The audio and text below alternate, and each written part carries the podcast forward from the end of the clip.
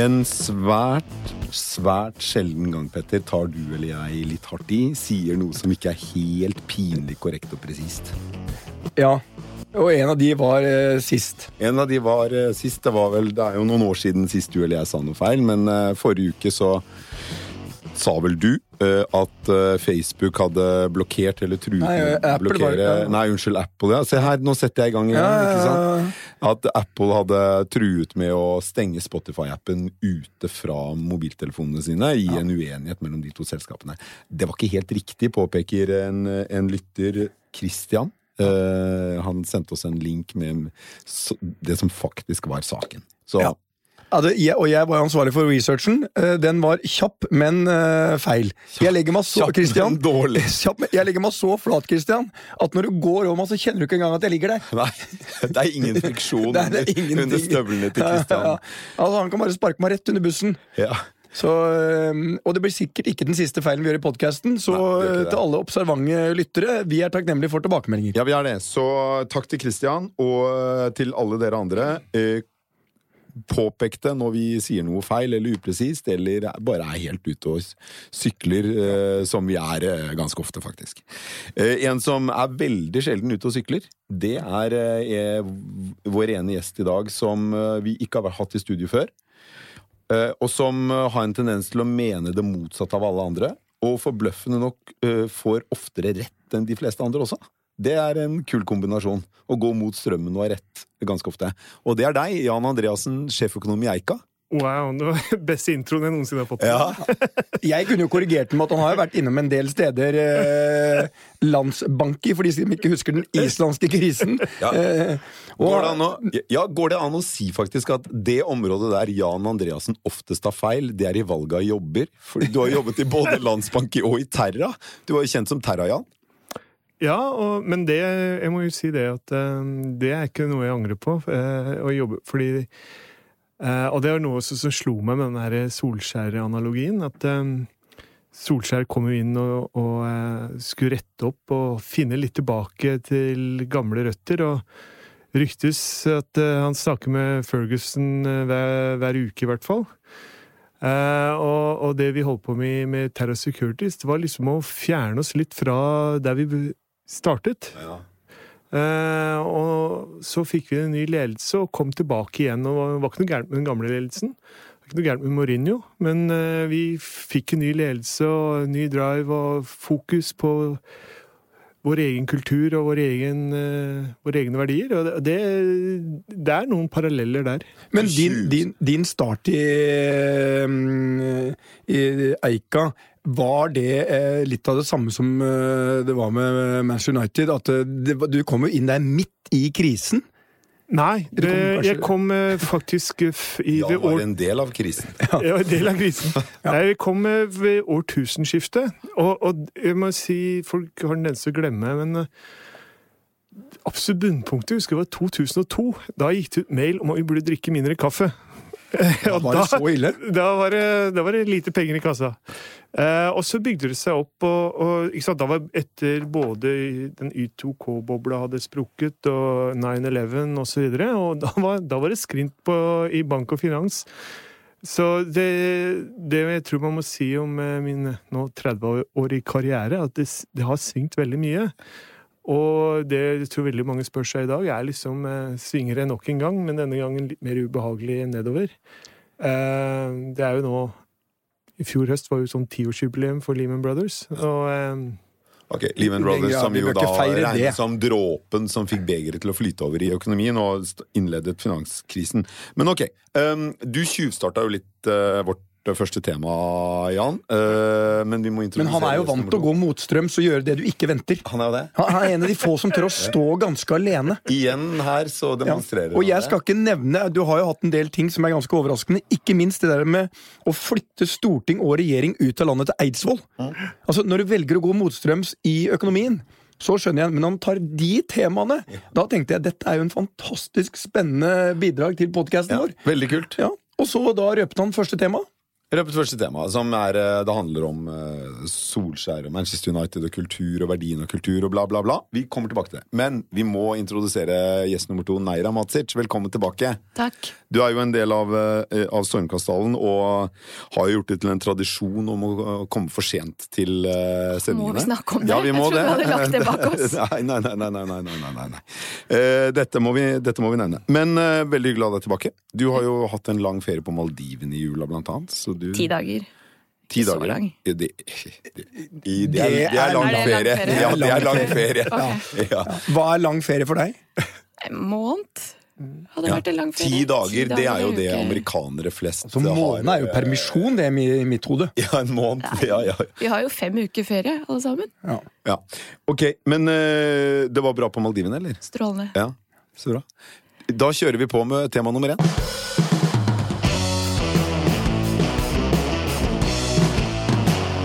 Jan, du toucha inn på det.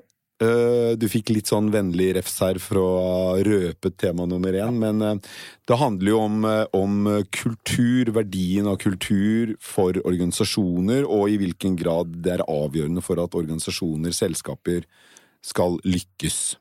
Og Petter, du klarte jo å hoste opp en kronikk som du publiserte på nrk.no tidligere denne uken, om Solskjær og verdien av kultur. Ja, og mitt poeng var bare det at, jeg, bare sånn for å understreke det Jeg er eh, like interessert i fotball som eh, Elton John er i damer, og eh, jeg kan ingenting om det. Men jeg syns fenomenet at de bytter én leder Det er det samme støtteapparatet, det er de samme spillerne, og så er det én som kommer inn av alle, altså alle som kommer fra Molde og en liter av, og så forandrer han en av verdens største fotballklubber. Resultatene kommer. Og det er, jeg, jeg synes det er et helt interessant fenomen. Hva er det som egentlig skjer? Er det mulig at en mann kan bety, eller en kvinne kan bety så mye? Um, og det var poenget mitt, og jeg, jeg, jeg ble enormt imponert. Og, og da føler jeg liksom at det, plutselig ble han der, hva heter han, verdens dyreste? Ja, han, eh, Nei, Paul Pogba, ja. ja, Pogba kunne være Pogba, ikke eh, Mogba, liksom under Mourinho. Ja. Eh, Og det der der, så tenkte jeg, det må jo Og jeg opplevde det før, liksom. Så altså, mm, Vi snakker om bank her, eh, Jan. Når Rune Bjerke kom til DNB, og jeg har vært kunde av banken i mange år, så foran, jeg følte at han representerte en endring, og det ble en litt annen stemning i banken. Det ble, det ble hyggeligere å gå i bankmøte, liksom. Men bare for å ta kjapt på, på det, liksom, hva skjedde etter at Solskjær kom til Manchester United, så er det det at han har da ledet etter en periode under José Mourinho, som var den forrige treneren, eh, hvor det var veldig mye sånn De vant den ene uken, tapte den andre, og de kunne vinne mot de beste lagene, men tape mot eh, langt dårligere lag. Eh, da han hadde ikke kontroll på klubben, så kom Solskjær inn og har da ledet klubben i åtte kamper, tror jeg. Eh, og Nei. Syv seire. Syv seire, ja, syv seire totalt. Seks i serien og én i cupen. Så han har hatt en ubrutt eh, seiersrekke, som er en eh, rekord. Og hvis han vinner nå neste helg, så er han den eneste manageren som da har vunnet syv Premier League-kamper på rad i Premier Leagues historie. Så det har jo utvilsomt gått veldig bra. Og så er det jo, øh, og noe av det han jo har lagt vekt på, da, det er å liksom minne klubben og spillerne på at vi er Manchester United. Eh, og utad så ser det i hvert fall ut som om det har alene hjulpet det å hente tilbake kulturen. Eh, kultur Hvordan er den eh, ja, ta, La oss ta Eika først, da, som jo eh, før het Terra. Du var inne på det, at Terra liksom vek litt bort fra hvem, hvor dere kom fra. Har, hva betyr kultur for en organisasjons evne til å lykkes? Og bare da en fun fact først. Fordi en av direktørene våre, Sverre Kårbø, har spilt mot uh, Ole Gunnar Solskjær i, på Klausengen. Og hevder å ha slått uh, Klausengen. Vært med på det, da. Og, og tapt, for øvrig. Men det, altså, det han husker og Han, han, ikke han er jo ikke store karen, men altså, han ufattelig evne til å være godt plassert. Og det kan man jo si at han også er nå. Altså, han, eh, Noe med å si at eh, eh, andre kunne gjort en, noe av det samme snuoperasjonen for Manchester United, men eh, at eh, han, han, han er rikt, rett mann på rett plass, det tror jeg vi alle kan være enige om. Men det jeg tenkte på mer i sammenligning med oss, det var jo litt om at eh, vi skulle være Nordens ledende finansinstitusjon. Og hvis du smatter på det i Gildeskål Sparebank, som har 500 millioner under forvaltning, så tenker de at dette her er drøye greier. Ja.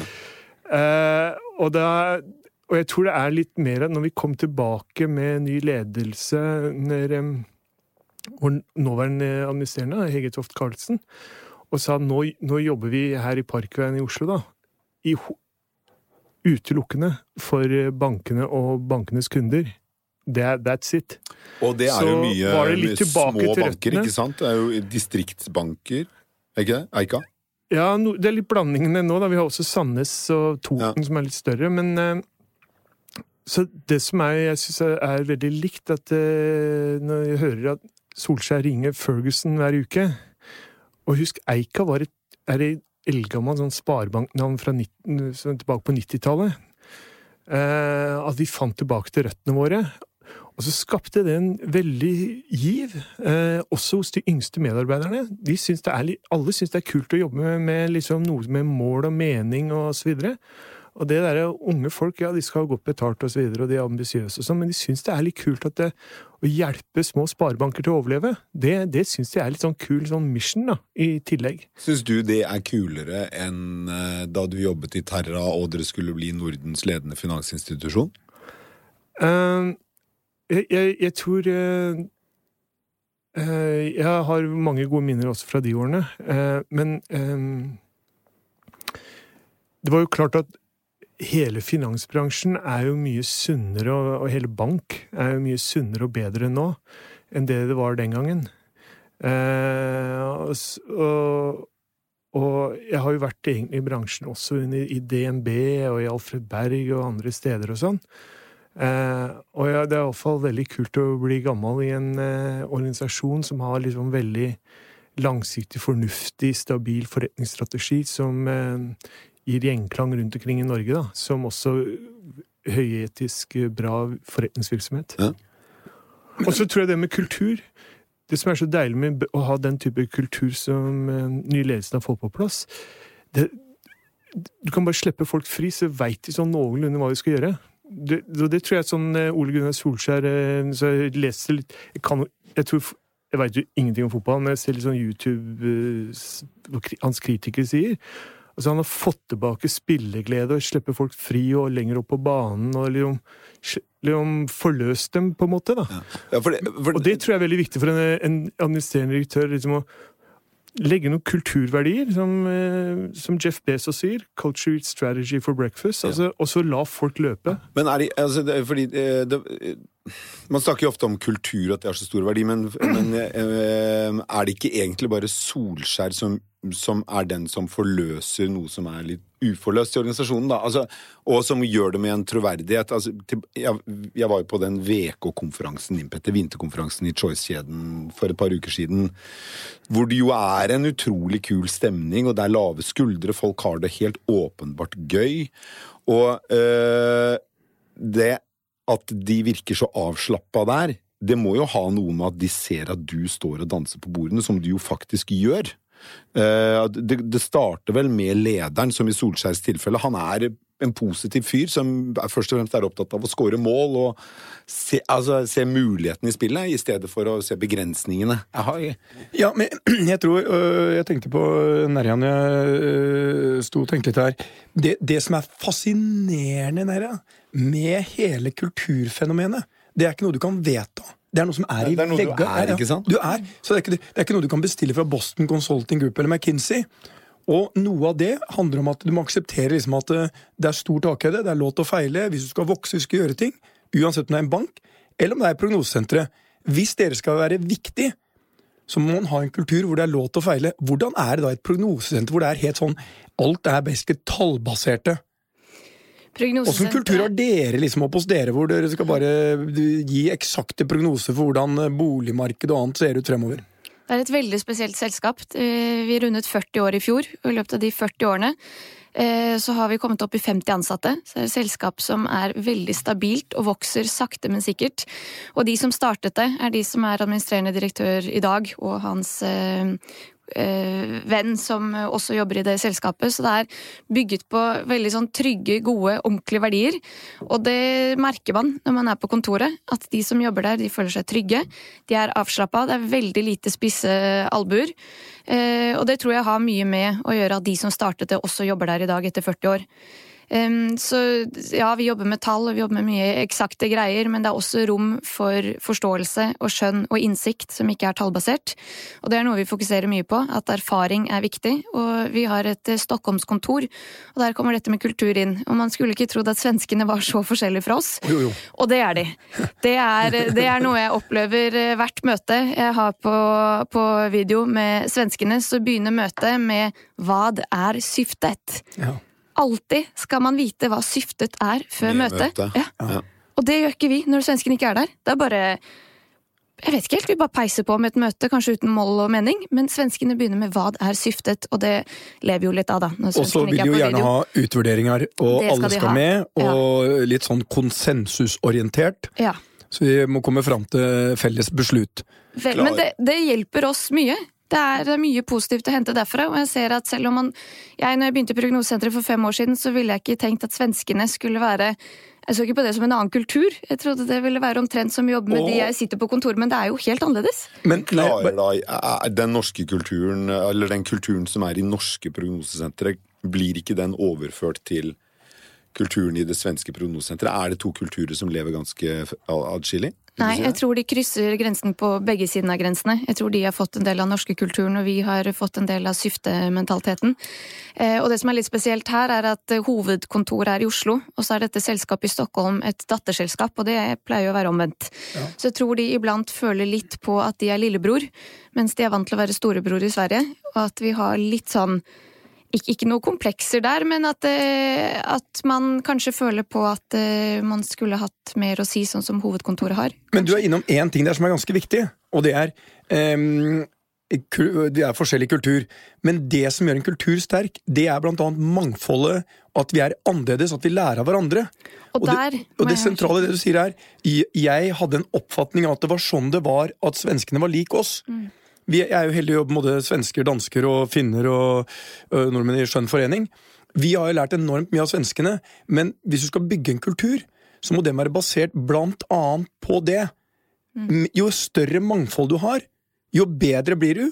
Og vi har diskutert det her før med han som var innom her, han uh, Morten Hansen. Morten Hansen, Ja, som hadde dokumentert at eh, mangfoldet gjør at bedrifter blir mer lønnsomme, og at de utvikles raskere, og at de tjener mer penger. Og det er akkurat det du opplever i prognosesenteret.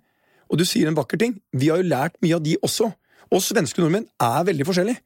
Altså nordmenn, nordmenn liksom sånn, eh, De går jo fra eh, Nordmenn går jo fra liksom eh, ord til handling på veldig kort tid. Svenskene bruker lang tid. Men når de først har bestemt seg, så går de helt som et tog. Jeg jobba jo i eh, Alfred Berg i Ja. sin tid, og det var jo noe tilsvarende opplevelser eh, med nordmenn, dansker, finner og, og svensker. Og jeg trodde de var veldig like. Og dette er makroøkonomer som alle er snytt ut av samme eh, type skole. da. Vi var veldig forskjellige. Eh, så det var fascinerende. Og det som slo meg mest, var hvor praktisk orientert nordmenn og finner var, og hvor ga egentlig blaffen i hva dollarprognosen var, bare vi kom fram til en prognose. Eh, mens svenskene og danskene de var veldig hissige på hvem som skulle bestemme.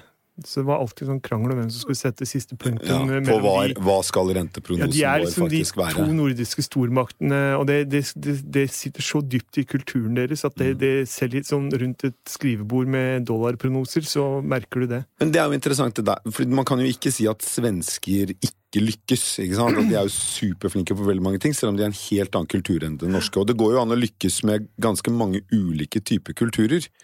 Og eh, den kulturen du beskrev fra Terra på tidlig 2000-tallet, var jo også en kultur som lykkes i mange år, inntil det plutselig smalt.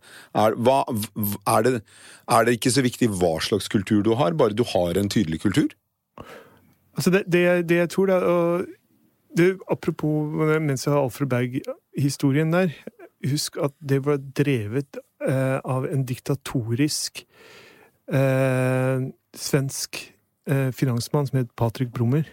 En legendarisk svensk Ja. finansmann. Han var, Og så ble det opp, opprør i hovedeier, som var da Volvo. Og de nye eh, folka som kom inn og tok over Volvo, tålte ikke trynet på Patrick Brummer, hvis du kan være si indiskret. Og plutselig pælma han på gata. Og dette var Nordens mest lønnsomme eh, meglerhus. Og så nesten ga de bort til ABN Hamro, Mm. som var altså en eh, nederlandsk bank som var veldig forsiktig. Og i løpet av få år var alt borte. Mm. Så det går an også nesten over natta å ødelegge en vellykket eh, team, da. Ehm, så Nei, jeg, tror- jeg tror ehm, det er mange veier inn i den uh, Terra-saken, at eh, jeg tror i alle rundt bordet er enige om alle sider av saken, at man undervurderte risikoene som eh, var der. Selv om man skrev og visste at det var risikofylte ting, og vi, vi alltid har disse disclaimerne og alt det greiene der, så var verden mye farligere sommeren 2007 enn det man eh, trodde. Og da var jo mange båter på havet, og de svakeste, de, de som var dårligst skrudd sammen, gikk ned.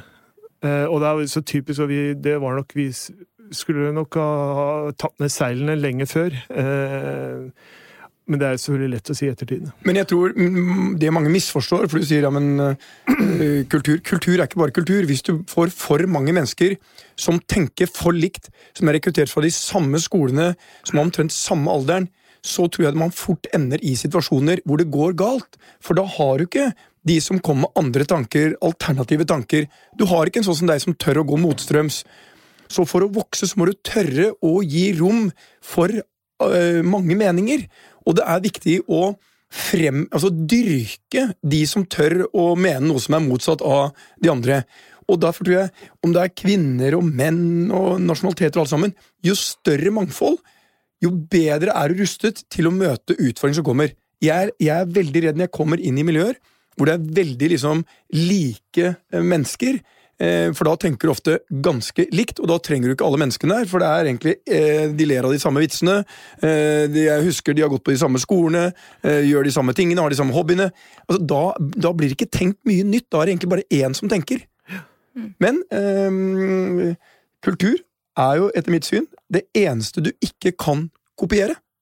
Du kan eh, kopiere en strategi, du kan kjøpe en markedsposisjon, men kultur er ikke for salg. Kan ikke vedtas, må skapes. Det jeg synes det det det er litt sånn vanskelig tema å snakke om, for det er, eh, det er krevende å sette rammene for eh, en samtale om kultur, fordi det kan være så mangt. Men um, litt tilbake til Solskjær-eksempelet, Uh, og, uh, og, um, og forskjellen mellom ham og hans forgjenger. Uh, er det ikke også veldig eh, altså, Handler ikke mye til syvende og sist om ledelsen?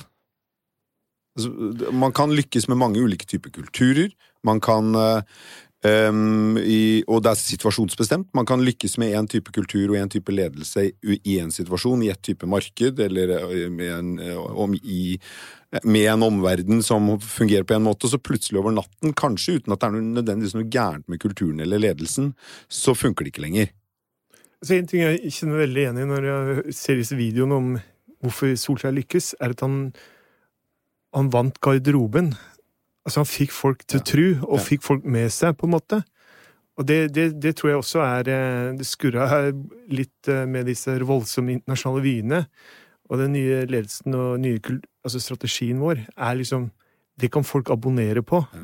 Liksom, det er default-verdien deres. sant? Hjelpe sparebanker, hjelpe sparebankkunder. Ja. Ikke sant? Det kan alle være med på. Og det Solskjær gjorde i garderoben, var jo bare å få smilet tilbake. Få samholdet tilbake i gruppa. og Liksom, Slapp av nå, nå skal vi bare ut og spille fotball. Jeg tror dette er veldig personavhengig, Ja. og han slår meg som en veldig jordnær type, i motsetning til Mourinho, som virker som en arrogant type. Og jeg tror den jordnære holdningen passer Manchester United mye bedre enn den arrogante tilnærmingen. Hvis du hadde hatt Zlatan Ibrahimovic på det laget, så er jeg ganske sikker på at han hadde kommet i konflikt med Solskjær. Så har, jeg tror vi, har, vi snakker om et lag som trenger en jordnær leder. Det har de nå fått. De passer som hånd i hanske. Hadde det vært andre typer spillere som kanskje hadde passet bedre med Mourinho, så hadde Mourinho vært en større suksess Ja. tidligere. Jeg tror han rett og slett er riktig mann til, Til denne rett jobben til rett Ja. Ja. Så- Og, det, og den jordnære personen han er, jeg kjenner han ikke, men det er det han utstråler, det er, det er sånn han virker, det er jo en viktig del av norsk kultur. Å være jordnær. Vi har jo janteloven. Skal ikke stikke deg for mye frem, du skal ikke være så altfor annerledes fra andre, og jeg syns Solskjær eh, jeg, jeg kan se for meg at han er en sånn Hvis man skulle vært veldig stereotypisk, så slår han meg som en typisk nordmann. Snill, god, jordnær, ordentlig, hardtarbeidende. Eh, passer ikke med Ibrahimovic. Og den ydmyke Zlatan, han sa jo de berømte ordene når han ble spurt av svensk TV.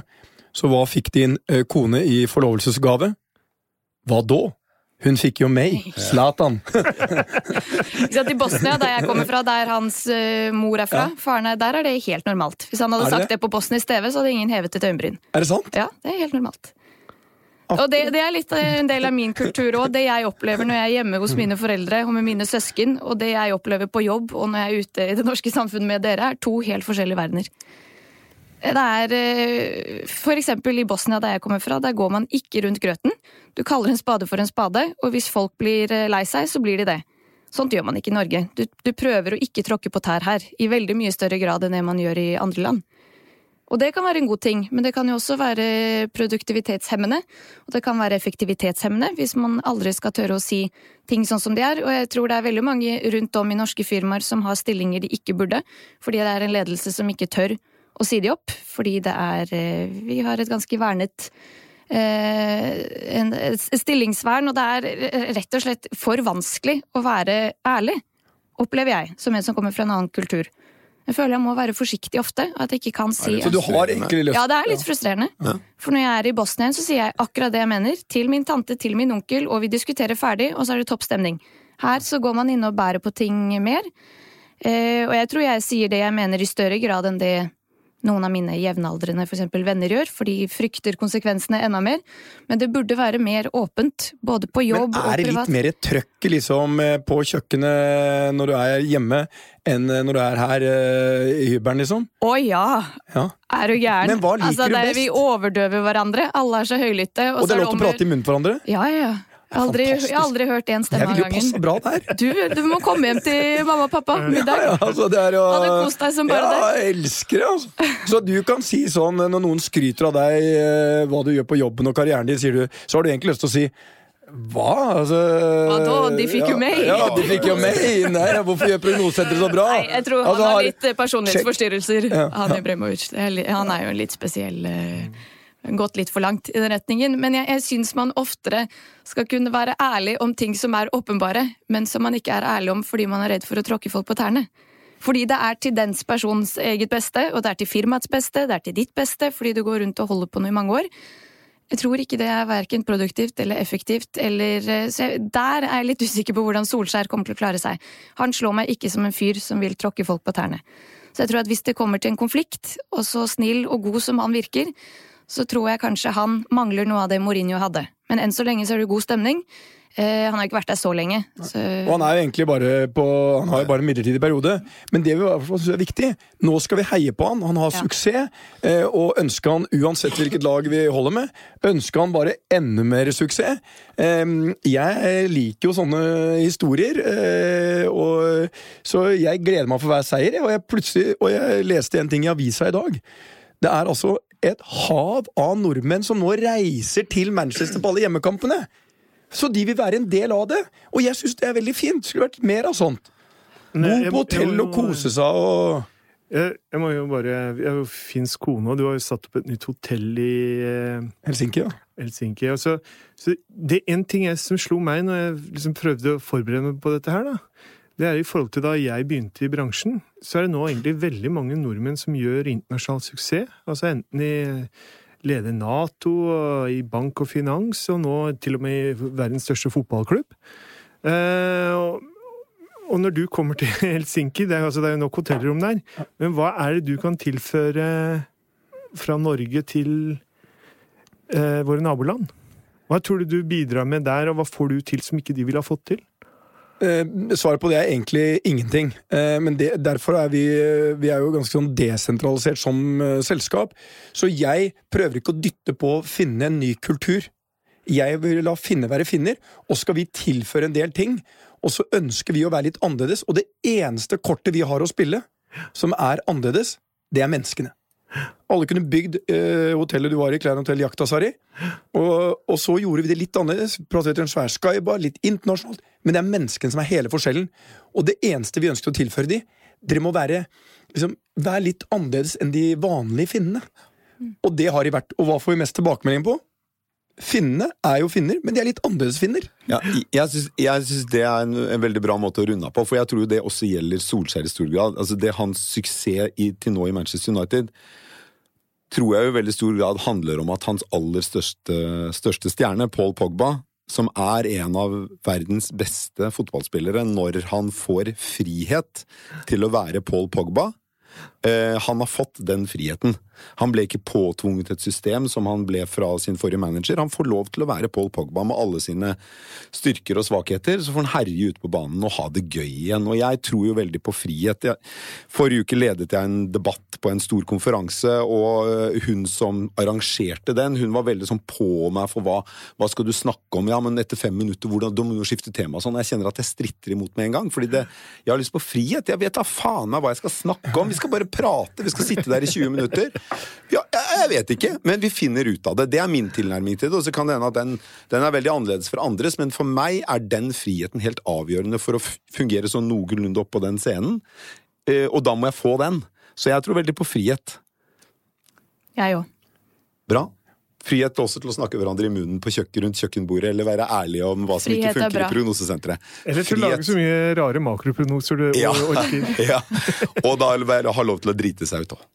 Ja, ja, men det jeg, jeg, jeg, Det er ikke noe sånn falsk eh, beskjedenhet. Eh, jeg tar feil hver dag. Ja. Eh, men så tenker jeg hvordan i all verden skal jeg unngå det? Altså, Så det er et avslappa forhold til. Good. Vi kjører videre. Det gjør vi.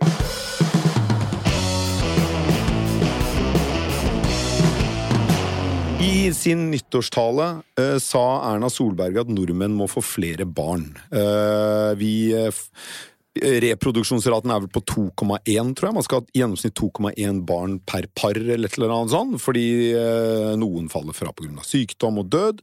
Så for å liksom å opprettholde befolkningen, så må du ha 2,1 i fødselsrate. Så vi må ta oss sammen, sier Erna. Hun oppfordrer alle nordmenn til å, til å få flere barn. Og eh, personlig, jeg kom her i studio i dag, Petter. Du ja. ser meg jo. Jeg har ja, strikkegenser, er ubarbert, jeg har eh, jordbæryoghurtflekker på frakken min, og jeg har sovet ikke beskrive deg nå, men uh, hadde Jan Thomas vært der, så hadde han jo lurt på hva som har skjedd med denne mannen. Ja, som vanligvis stiller i uh, mørk dress. Du, altså, jeg skal beskrive det. Jan Thomas hadde sendt meg på styling bootcamp i ja, en altså, måned. Jeg, å... Eh, han kommer i en veldig hyggelig strikka genser, som uh, definitivt har sett sin beste periode. Han er ubarbert, uflidd. Og, altså, dette greiene her sånn, hva har skjedd? Nei, det er barn, Petter. Det er det som har skjedd. ja, holdt du på å lage barn og måtte Nei, nei, nei, nei de, de, holder meg våken. Det, ja. det er respektfullt. Jeg, du holdt på å bli forsinka på grunn av det. Ja, men så Hvorfor i all verden skal vår statsminister mene noe om folks uh, reproduksjonsevner? Våre sengevaner og vår beslutning om, eh, om å produsere barn. Jan, Hvorfor i all verden? Spørsmålet gikk naturlig til det. Her har du De vet ikke hvor mye innsikt du har i dette. Nei, det er antakelig sånn at jeg blir mest kjent for mine uttalelser om det jeg kan minst om. Eh, men jeg ble spurt av eh, Dagens Næringsliv om dette, og det var åpenbart at det tente en gnist i samfunnsdebatten. Men det jeg sa, var liksom egentlig syns jeg det er relativt opplagt at eh, hvis, du, hvis, målet da er å få flere barn, og det er jo delte meninger om, men hvis det liksom er oppgaven, så må du gjøre mer lønnsomt, rett og slett. Eh, som all annen produksjon. Uh, lite korreksjon. Det hjelper ikke å gjøre mer lønnsomt. Du må altså ligge mer. Det er konseptet. Jo, jo, jo. Jeg, jeg bare for å korrigere økonomen her. Nei, nei, men jeg tror ikke det er det sengeaktiviteten Men Det handler mer om min... produksjonsprosessene, gjør det ikke det? Det, nå har ikke jeg, det her kan jeg enda mindre om. Altså, unge menneskers sengeaktivitet. Nei, eh, la oss ta for gitt at det er det samme som tidligere generasjoner. Men nå har jo kvinnen uh, fått uh, kontroll på hvor mange barn de skal ha. ikke sant? Det, og måten da, eh, for å, hvis man ønsker flere barn, det er å gjøre mer lønnsomt. Og så har jeg hatt et eh, veldig lett og elegant forslag, som jeg syns alle burde abonnere på. Og det er jo at eh, når du føder barn, så får den kvinnen en halv million som fripolise i Eika eller Storebrand eller DNB. Helst i Eika, Eika, hva er en fripolise, bare sånn for Til pensjonsformål. Pensjon. ja. Ja, og får de eh, tvillinger, kan de få en million. Får de trillinger, kan de få to millioner. For det, er, det koster ingenting. Uh, og da har de oppveid i hvert fall én ulempe. Dette er ikke det beste tiltaket, det er, men ikke gjør det beste til det godes fiende. Det er ett mulig tiltak. Det var det Gi- første du kom på i farta, er det det du mener? Nei, eller? men hvis hvis du tenker på hva er det Hvis du får mange barn, så er det noe som du kommer til å gi Ikke for alle, men i gjennomsnitt. De kommer til å jobbe mindre og få dårligere pensjon. Og den er lett å rette opp. Ikke sant? Det er no effort. Bare gir, putt en, la, gir dem en ordentlig fripolise, de som har mange barn. Og så eh, tipper jeg da at da blir flere barn. Ja. Neira, du er vel den eneste i studio som ikke har barn. Hva tenker du om at Norges statsminister oppfordrer deg til å få flere barn? Eller for, til å få barn? Jeg syns dette fripoliseforslaget er litt absurd. Det må jeg bare begynne med. Jeg synes det er litt absurd. Eh, Erna kan godt oppfordre til akkurat det hun vil, men jeg, jeg, jeg syns dette blir litt for personlig til at nyttårstalen skal dreie seg om dette. Eh, og så syns jeg man må dele opp i de som ikke vil ha barn og ikke får barn, og de som vil ha barn, men ikke får barn. Av forskjellige grunner. Du har eh, sikkert mange unge mennesker i dag som eh, har flyttet fra bygda et eller annet sted. Urbaniseringen fortsetter jo. Hadde de fortsatt å bo ute på bygda, hadde de ikke hatt noe annet å gjøre enn å ligge med hverandre, så da ligger de med hverandre og får barn. De flytter til byen, her er det masse kulturtilbud. Det er masse å gjøre. Du kan gå ut og spille minigolf, du kan spille biljard, shuffleboard, dart i Torgata nå. Minigolf var det beste du kom på med. Ja, Oslo camping, det er sykt gøy. Eh, Du velger å ikke få barn, i samme grad som du ville gjort ute på bygda. Så urbaniseringen kan forklare det her til en viss grad. Det er minigolf på bygda. Nei, det er litt langt unna, og da må du kjøpe bil for å komme deg dit. Og da har du i hvert fall ikke penger til barn, og da, blir det liksom, da bare blir du hjemme og ligger med folk. Og da får du barn. Men andre er boligpriser, som jeg har lest, og det syns jeg er et godt poeng. At eh, det at boligprisene har økt mer enn eh, inntektene våre over lang tid, det fører jo til at eh, det blir dyrere nå å kjøpe seg det rekkehuset som du ønsker hvis du skal få barn, enn det det var for 20 år siden. Og mange av de som har flyttet fra bygda til storbyene, de har jo selv vokst opp i store eneboliger, så de får se for seg at når de skal få barn, så skal det barnet vokse opp med stor hage, stort hus, og det går ikke i de store byene. Så mye av dette kan spores tilbake til urbanisering og boligpriser som har økt mer enn inntekter. Og når det er sagt, så syns jeg det er veldig rart eh, at vi da har politikere som er ute og oppfordrer oss i veldig stor grad til å få barn, samtidig som de åpner for å fjerne abortrettigheter. Som jeg syns sender det totalt motsatte signalet. Det gjør meg veldig mye mer usikker på om jeg ønsker å få barn eller ikke. Så det er veldig mye forskjellig som skjer her. Jeg syns politikerne sender eh, motstri motstridende signaler til befolkningen. Få barn, men samtidig så vil vi ta bort noen av rettighetene dere har, som gjør kvinner mer usikre på om de ønsker å få barn. Og så diskuterer man forslag som jeg tror ikke har noe med saken å gjøre, når det er noen store, lange trender og drivkrefter i samfunnet som har ført oss dit vi er i dag. Apropos urbanisering og Ja. Nei, Jeg jeg, har så lyst til å heie på deg. Det altså, det er, eh, du burde vært politiker.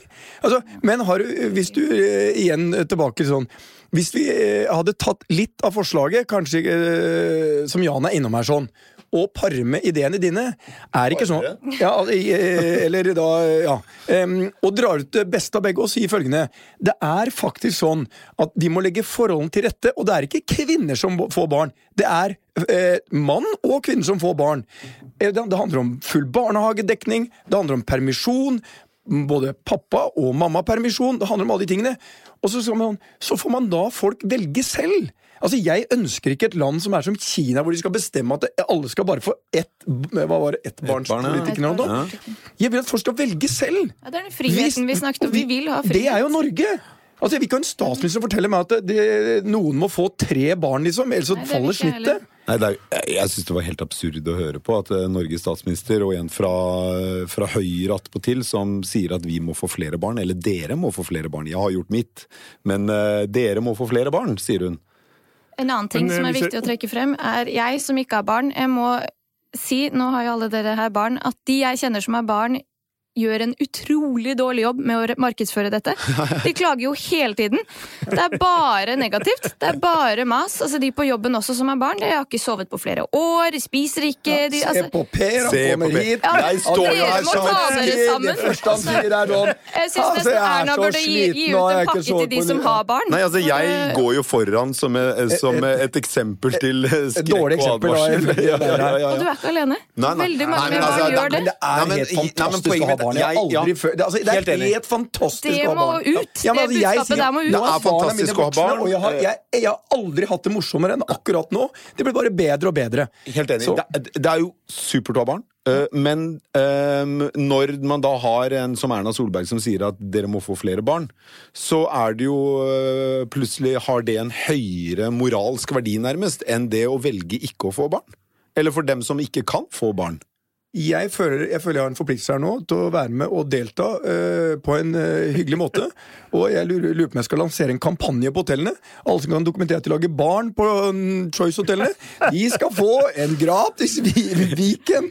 Det er sånn du stimulerer. Til, eh, for det, da er de ute og tar seg et glass vin og lager barn og kommer Men må vi stimulere? Det er det jeg lurer på. Kan vi Det- ikke Ja, bare men du la folk stimulere gjøre det de vil? Nei, du må nudge. Nei, du, hvis du skal oppnå noe, så må du ikke si det i en stor tale. Du må bare nudge. Du må ta litt, ikke av det ekstreme som Jan snakker om, du må ta litt bare sånn at det ligger folk til rette. Sånn at de da, som du nevner, på eh, landet tar med seg de erfaringene de har derfra, og inn i byen og føler at forholdene ligger til rette for uh, at vi skal ha det hyggelig. Men jeg jeg er helt enig. Er Under full frihet og sånn. Og så jeg si for enkelte av oss så startet livet når vi fikk barn. Så det er vi jo Vi skal markedsføre det, men full frihet. Men det, det jeg tror vi eh, som denne debatten har burde kunne En del av denne debatten burde dreie seg om, er eh, Er det sånn at eh, småbarnsmødre blir ufortjent dårlig behandla, på en måte? At Eh, De bør i hvert fall kompenseres for de økonomiske tap de har av å drive med barn, og at de da deretter kan liksom eh, bestemme seg når de kommer litt mer i vater, da. Det skal liksom ikke straffe seg, eh, i hvert fall Du skal ikke bli alvorlig kvesta økonomisk av å få barn. Eh, og, og, og den eh, kjenner jeg på Det tror jeg mange Det er enorme byrder eh, eh, småbarnsmødre har, og det er stor fare for å bli alenemor i vår tid også. Eh, og, no, og, og det der å, å være litt raus med penger og for småbarnsmødre, hvorfor er det så farlig? Altså, det skjønner jeg ikke. En fripolise Men, jeg ja, men jeg, jeg må bare si én ting. Jeg har øh, vært heldig øh, å være øh, lenge sammen med Gunhild, som tok et aktivt valg om å ikke få barn. Det som irriterte det meg, respekt meg, ja, det som irriterte meg, det er alle de menneskene som ikke respekterer hennes valg. Alle som skal dytte sine egne liksom, eh, tanker om hva som er der, 'du må få barn', altså. ja, altså, det er så eller, fint. eller enda, enda verre, du kommer nok til å endre på det. Altså, Glem det! Jeg, jeg visste det med en gang. Jeg hadde prata med henne en gang. Trang aldri å si det igjen. Sa bare 'det er valget mitt'. Jeg skal gjøre noe annet. liksom. Jeg, skal, jeg, jeg er ikke noe interessert i det. For guds skyld til alle dere som er der ute, respekter det. Respekter at det, det er det som gjør at vi lever et fantastisk land. Du kan velge. Ingen bestemmer at du bare skal få ett barn, halvannet barn. Ingen skal dytte på deg noe, uansett hvor mye penger du får i han. Altså, jeg, jeg, jeg vil bare ikke ha det sånn, og derfor vil jeg at vi skal liksom respektere hverandres valg. Men jeg mener ikke det skal være sånn lottogevinst, men at du skal kompenseres for dine tap, på en måte. Noe av dine tap. er redd for at Eh, folk og, det er, det er, og jeg ser ikke Men eh, nå har jeg vært her altså, fulgt i min tid 30 år. Altså, alle andre grupper, bønder Å nei, du har det vondt, stakkars bonde, du må få mer penger. Selvfølgelig skal du kompenseres for tørke og gud veit hva, ikke sant? Du fikk jo masse penger for det. Men liksom, småbarnsmødre? Nei. Det er, og det, kvinner, det er noe i norsk kultur, altså. Så den gjengen der, de, de skal ha det tøft. Og det, det skjønner jeg ikke. Ja, men det, det, det, jeg tror det er to ting som var Runda med det, da. Erna Solberg er jo ikke den eneste statslederen som har oppfordret sine innbyggere til å, å få flere barn. Eh, Det har både demokratisk valgte ledere og diktatorer gjort i gud vet hvor mange hundre år. Eh, Det andre er at det er jo knapt noe land i verden hvor det er bedre og lettere å få barn enn i Norge. Så jeg er usikker på i hvilken grad økonom, flere økonomiske insentiver vil kunne bidra til det. Det er nå engang det faktum at folk velger av ulike grunner å få barn eller ikke få barn. Å få ett barn eller flere barn. Det får være, mener jeg, opp til folk flest, og så får vi heller ta de økonomiske konsekvensene av summen av alle enkeltindividers frie valg om noe av det mest private de gjør, nemlig å få barn eller ikke. Men Per, det er lov å være litt raus mot småbarnsmødre? Ja, ja, men vi er det. Vi er det.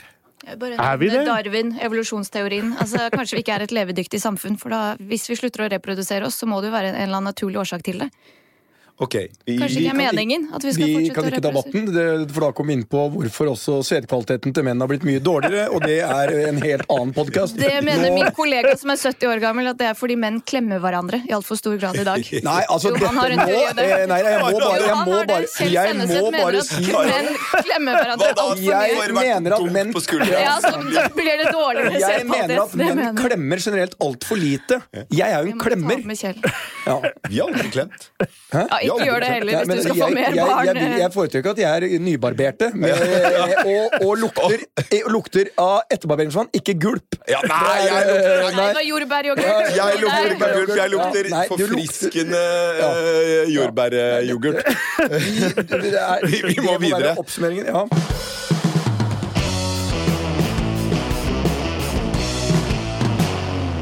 Vi har vært innom, eh, har vært innom eh, bygda, vi har vært eh, innom eh, Finland, og vi har vært innom ting som må lønne seg. En ting som eh, eh, bygda og Finland og eh, Hvor skal jeg med dette? Og lønnsomhet har til felles, det er skog. Eh, Skog har vi veldig mye av i dette landet. Og for øh, første gang på veldig lenge så er det nå hylende lønnsomt å kappe trær i Norge og selge det til eh, ved- og industriproduksjon, Petter. Det er fantastisk. Det hugges mer ved enn noensinne i Norge. Prisene er høyere på ved enn noensinne i Norge. Og jeg ser det selv når jeg kjører opp til hytta. Det er, så Bønder kutter skog igjen, og det er jo utrolig bra. Det betyr blant annet at øh, vi har et, en øh, bransje i distriktene som er levedyktig og som gjør det godt. Og de har tatt noen ganske smarte valg underveis, og de har liksom aktivt bidra bidratt til at øh, mange byggherrer også nå bygger øh, hus, ikke bare eneboliger, men boligblokker og forretningsbygg i tre i stedet for i stål og betong. Og det er kult. Eh, Dritkult. Eh, og man tror at eh, hvis du skal bygge tre, så kan du ikke bygge så stort. Jo jo, kan bygge kjempesvært. Altså du kan bygge høyt og stort. Har du bygget hoteller i tre? Copperhill Mountain Lodge eh, nummer én, den er i tre og kobber. Og, eh, og det beveger når det, er, når det er ordentlig mye vær i året, så beveger hele bygget seg, og det er ikke farlig. Men det er noen sånn, og det er fordi tre beveger seg. Tre er et fantastisk materiale, og det beste er bra for klimaet at de hogger. Veldig bra for klimaet. Og jeg er en av de som fyrer med ved. Eh, var det Vazelina-låt? Fyrer med ved. Eh, husk at en av Norges mest solgte bøker gjennom tidene, som kom som en bombe, den het Ved. Den het Ved, ja. Ja. Så øh, vi tenkte vi skulle denne uka sende et, et bær- og jordbærlua vår til Olav Veum i Norges Skogeierforbund, som på vegne av alle som bidrar til å øh, hugge trær og bygge industrien, som er i ferd med å bli ganske stor rundt tømmervirket. Han får et bær av oss. Stå på. Hugg ved. Det var det. En springende podpetter Med, med store temaer. Ganske forskjellige temaer. Men vi har eh, lost oss sånn noenlunde land, vil du ikke si det? Ja, absolutt. øh, Og jeg syns det er interessant det å øh, øh, tørre å ta opp temaer som kanskje ikke er så enkle. Eh, Kultur er enkelt, barn er ikke så enkelt. Og vi fikk jo mange synspunkter her i dag, Per. Så bra. Eh, Jan Andreassen, tusen takk for at du kom i studio. Takk for at jeg fikk komme. Eh, hyggelig å ha deg her. Og Neira Matsic, velkommen tilbake. Eh, topp av dere begge her. Truls Johansen har produsert denne sendingen. Til alle dere lyttere, eh, send oss da tips og innspill, og rett oss hver gang vi sier feil. Eh, ikke nøl med det.